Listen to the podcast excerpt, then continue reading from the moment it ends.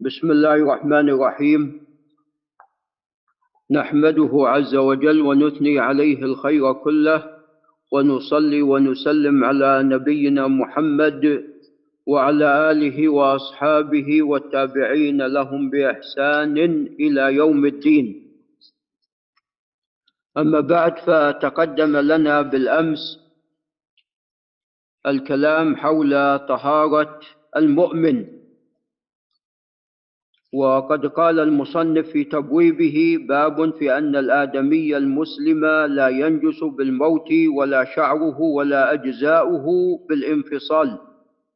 وتقدم لنا أن في هذا التبويب مسألتان المسألة الأولى هي طهارة المسلم حيا وميتا. فالمسلم طاهر حيا وميتا. نعم. وكذلك أيضا أجزاؤه يعني كشعره وأظفاره فإنها أيضا طاهرة. نعم بخلاف ما قطع من البهيمة وهي حية فيكون ماذا؟ يكون ميتة نجسا. نعم فلو قطعت ألية الشاة وهي حية فإنها تكون نجسة. نعم. وأما باقي الأشياء فهي على قسمين إما أن يدخلها إما أن تكون لها نفس سائلة أو لا تكون لها نفس سائلة. إذا المقصود بالنفس السائلة أي يجري فيها الدم فالتي ليس فيها نفس سائلة فإنها طاهرة أيضا حية وميتة. مثل الحشرات هذه يقال ليس لها نفس سائلة. ولذا قال عليه الصلاة والسلام إذا وقع الذباب في إناء أحدكم فليغمسه. نعم فإن في أحد جناحيه داء وفي الآخر شفاء. نعم. وأما القسم الثاني التي لها نفس سائلة فهذه إما أن تكون مباحة حية وميتة وهي ميتة البحر. فهذه طاهرة مباحة حية وميتة جميع ما يعيش في البحر. وإما أن تكون مما يعيش في البحر وإما أن تكون مما يعيش في البر مما يؤكل من بهيمة الأنعام. فهذه إذا ذكيت وخرج الدم المسفوح فإنها ماذا؟ طاهرة فإنها طاهرة. وأما إذا لم تذكى فإنها وماتت فإنها نجسة. نعم. وأما الحيو وأما باقي الحيوانات فإنها إذا ماتت فإنها نجسة. وباقي الحيوانات التي لا تؤكل فإنها إذا ماتت تكون نجسة. نعم. ما عدا الكلب فإنه نجس وهو حي أيضا وذلك إذا ولغ وذلك في ولوغه. وأما ما يتعلق بشعره فهناك خلاف بين أهل العلم. نعم. فمنهم من قال إنه نجس ومنهم من قال إنه طاهر لأنه لا تدخله لأنه لا تدخله الحياة أي الشعر. نعم. وأما ما يتعلق بما جز من بهيمة الأنعام مما يؤكل فإنه طاهر مما جز من صوفها أو شعرها وهي حية لأن هذا الشعر لا يدخله لا تدخله الحياة فهو مثل القرن. نعم. أو مثل الحافر بالنسبة للحصان. نعم. حمك الله. وتقدم لنا أيضا حديث أنس وهو قال لما أراد رسول الله صلى الله عليه وسلم أن يحلق الحجام رأسه أخذ أبو طلحة بشعر أحد شقي رأسه بيده فأخذ شعره فجاء به إلى أم سليم قال فكانت أم سليم تدوفه في طيبها. رواه الإمام أحمد وإسناده صحيح وإسناده صحيح. نعم. ثم قال وفي حديث صلح الحديبية برواية المسور بن مخرمة الزهري وهو من صغار الصحابة ومروان بن الحكم وهو من التابعين كما قال البخاري أن عروة بن مسعود أي الثقفي وذلك قبل أن يسلم قام من عند رسول الله صلى الله عليه وسلم وقد رأى ما يصنع به أصحابه قال لا يبسق بساقا إلا ابتدروه أي البصاق ولا يسقط من شعره شيء إلا أخذوه. رواه أحمد وهذا لا بأس بإسناده وهو في الصحيحين بنحوه. نعم. ثم قال وعن عبد الله بن زيد وهو صاحب الأذان أنه شهد رسول الله صلى الله عليه وسلم عند المنحر. وذلك في حجة الوداع ورجل من قريش. وهو يقسم أضاحي فلم يصبه شيء ولا صاحبه. أي لم يصب عبد الله بن زيد ولا صاحبه شيء من لحم الأضاحي. فحلق رسول الله صلى الله عليه وسلم رأسه في ثوبه فأعطاه منه. نعم وقسم منه على رجال. طبعا تقدم أن شق الأيمن شق شعره الأيمن شق رأسه الأيمن أعطاه لأبي طلحة وأعطاه الأيسر وقال اقسمه على الناس. وقسم منه على رجال وقلم أظفاره فأعطى صاحبه. قال وإن شعره عندنا لمخضوب بالحناء والكتم وهذا إسناده لا بأس به. نعم. وأما ما يتعلق بالكافر لم يذكر الكافر. ذكرته أمس وأما نعم ما يتعلق بالكافر فالكافر نجس كما قال الله تعالى إنما المشركون نجس فلا يقرب المسجد الحرام بعد عامهم هذا. نعم. فبين الله عز وجل أنهم أنجاس وأن هذه النجاسة معنوية لا حسية نجاسة معنوية لا حسية. وأما النجاسة وأما من حيث الحس فالأصل أنه طاهر. ولذا أباح الله عز وجل الزواج بنساء أهل الكتاب. والمقصود بالنجاسة المعنوية التي عندهم نجاسة الكفر والاعتقادات الفاسدة والأعمال السيئة. والشرك بالله نعوذ بالله من ذلك كله. نعم. قال باب النهي عن الانتفاع بجلد ما لا يؤكل لحمه. نعم. أتى المصنف إلى بيان الجلود والجلود على قسمين إما مما يؤكل لحمه وإما مما لا يؤكل. فإن كان مما يؤكل فإنه يكون طاهرا بأحد أمرين إما بالذكاة فإذا ذكيت الذبيحة فإنها طاهرة كلها ومن ذلك جلدها. هذا أمر. الأمر الثاني لو ماتت مما يؤكل لحمه لو مات مما يؤكل لحمه فإن جلده يطهر بالدباغ. فإن جلده يطهر بالدباغ. نعم. وترى الجلد يؤكل. وحمد الله على النعم التي أسداها إلينا ربنا جل وعلا. وما بكم من نعمة فمن الله. وإن تعدوا نعمة الله لا تحصوها. نعم كان الناس يأكلون الجلود. إذا ما وجدوا شيئا أكلوا الجلود. نعم تؤكل. نعم بعد أن تذكى نعم تؤكل. نعم وأما إذا ماتت فإنها تطهر بالدباغ ولكن لا تؤكل وإنما تستعمل كقرب. نعم. كلباس. نعم. قال وعن أبي المليح ابن أسامة عن أبيه.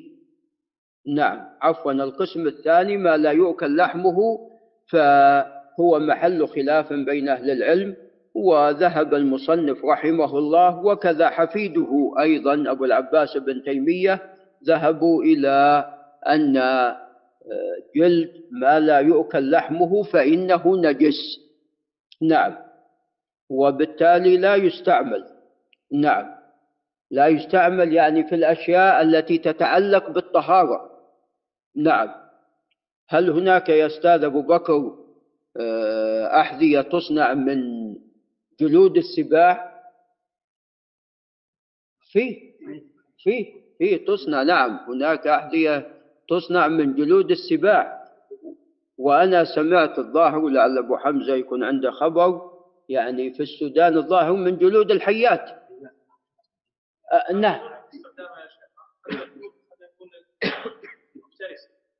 ما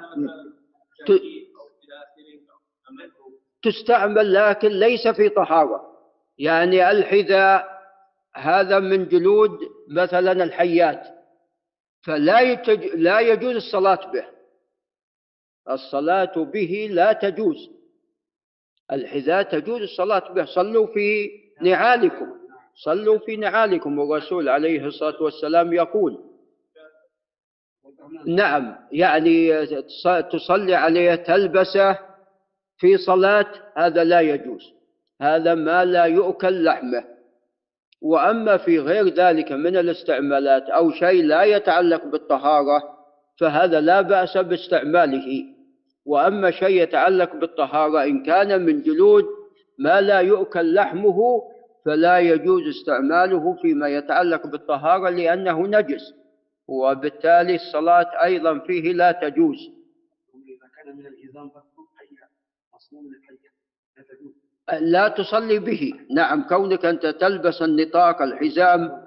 نعم. فهذا إذا كان في غير صلاة فلا بأس وأما تريد أن تصلي فلا يجوز لأنه نجس. شيخ اللحوم أساسا عشان نجاستها ولا يمكن يفصل عنها لحوم مثلا الأسد نعم نجاستها ولما فيها من أضرار. نعم. تؤثر على الإنسان. قد أخبرني الشيخ واسع ويعرف بعض الأخوة يجي يقول هذا شخص يعني فيما سبق يعني القصة يمكن صار لها مدة قيل له أنه يعني قيل نعم أن أتوا بجلد ذئب وقالوا أنه علاج لشيء من الأمراض. طبعا لا يجوز التعالج أو العلاج بالأشياء المحرمة. الأشياء المحرمة لا يجوز العلاج فيها. فوضعوا على النار يطبخون لحم الذئب. فجاء شخص منهم وهو راعي غنم وجاءه جوعان. فشاف هذا على النار أكل من هاللحم فصار الرجل شره. بعد هالأكلة. نعم صار فيه شراهة نعم. ولذا تعلمون النصارى يكثرون من أكل لحم الخنزير ولحم والخنزير ما في ما عنده غير على على امرأته. نعم على أنثاه بالأحرى على أنثاه. فهم ما عندهم غيره. الأوروبيين والأمريكان ليس عندهم غيره. نعوذ بالله من ذلك. فهذه الحيوانات لها تأثير لها تأثير سيء. نعم.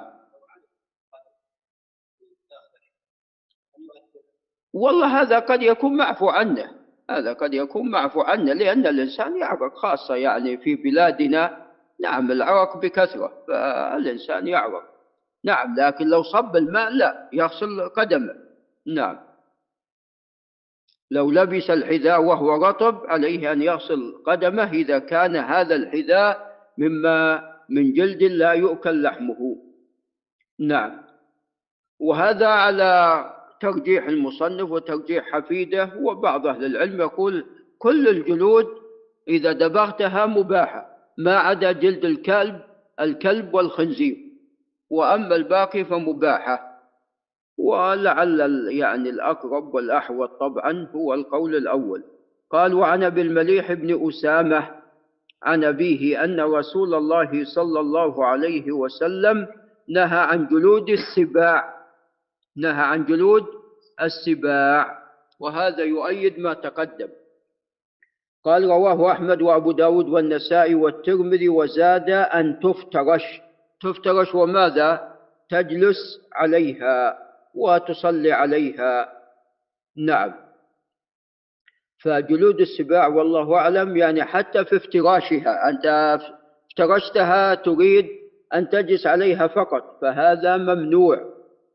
نعم وهذه جلود السباع والله أعلم لعل الحكمة في النهي قد تؤدي بالإنسان إلى ماذا؟ إلى الخيلاء إلى الخيلاء ولذا بعض الناس الذين يعني عندهم جبروت ويلبسون جلود ماذا؟ السباع النمور النمور نعم يلبسون جلود النمور نعم. فهذه تؤدي والله أعلم إلى الخيلاء نعم. يلبسون جلود النمور في أفريقيا؟ لا في في في من؟ والله أعلم نعم. يأكلونه. نعم. والله هذا رجح الترمذي أنه مرسل لكن هو صحيح بالحديث الذي بعده. قال وعن معاوية بن أبي سفيان رضي الله عنهما أنه قال لنفر من أصحاب رسول الله صلى الله عليه وسلم أتعلمون أن النبي صلى الله عليه وسلم نهى عن جلود النمور أن يركب عليها؟ قالوا اللهم نعم. فنهى عليه الصلاة والسلام عن جلود النمور أن يركب عليها والافتراش من الركوب عليها. قال رواه أحمد وأبو داود. ولأحمد أنشدكم الله أنهى رسول الله صلى الله عليه وسلم عن ركوب صفف النمور. وصفف النمور ما يلبس تحت الدرع فكانوا يلبسونها. قالوا نعم. قال وأنا أشهد. فنهى الرسول عليه الصلاة والسلام عن ذلك. وعن المقدام بن معدي كرب أنه قال لمعاوية رضي الله عنه أنشدك الله هل تعلم أن الرسول صلى الله عليه وسلم نهى عن لبس جلود السباع والركوب عليها؟ قال نعم رواه أبو داود والنسائي. فلبس جلود السباع هذا لا يجوز. نعم. هو السباع التي تفتر التي تفترس. نعم. قال وعن المقدام بن معدي كرب قال نهى رسول الله صلى الله عليه وسلم عن الحرير والذهب. بالنسبة للحرير هذا للرجل والمرأة منهية عنه. بالنسبة للرجل الحرير منهي عنه بالنسبة للرجل إلا أربع أصابع. نعم. والذهب أيضا منهي عنه الرجل وأما بالنسبة للمرأة فتلبس الذهب والحرير. بالنسبة للمرأة تلبس الذهب والحرير. اللهم إلا عند الحاجة بالنسبة للرجل نعم. ولذا رخص عليه الصلاة والسلام للزبير ولغيره بلبس الحرير. وذلك لأن أجسامهم كان فيها ماذا؟ نعم حكة. نعم.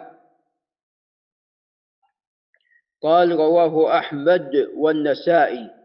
وعن أبي هريرة عن النبي صلى الله عليه وسلم قال لا تصحب الملائكة رفقة فيها جلد نمر.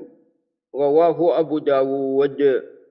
قال وهذه النصوص تمنع استعمال جلد تمنع استعمال جلد ما لا يؤكل لحمه في اليابسات وتمنع بعمومها طهارته طهارته بذكاة أو دباغ. يعني حتى لو دبغت فإنها نجسة. نعم ليست بطاهرة. هذا وبالله تعالى التوفيق.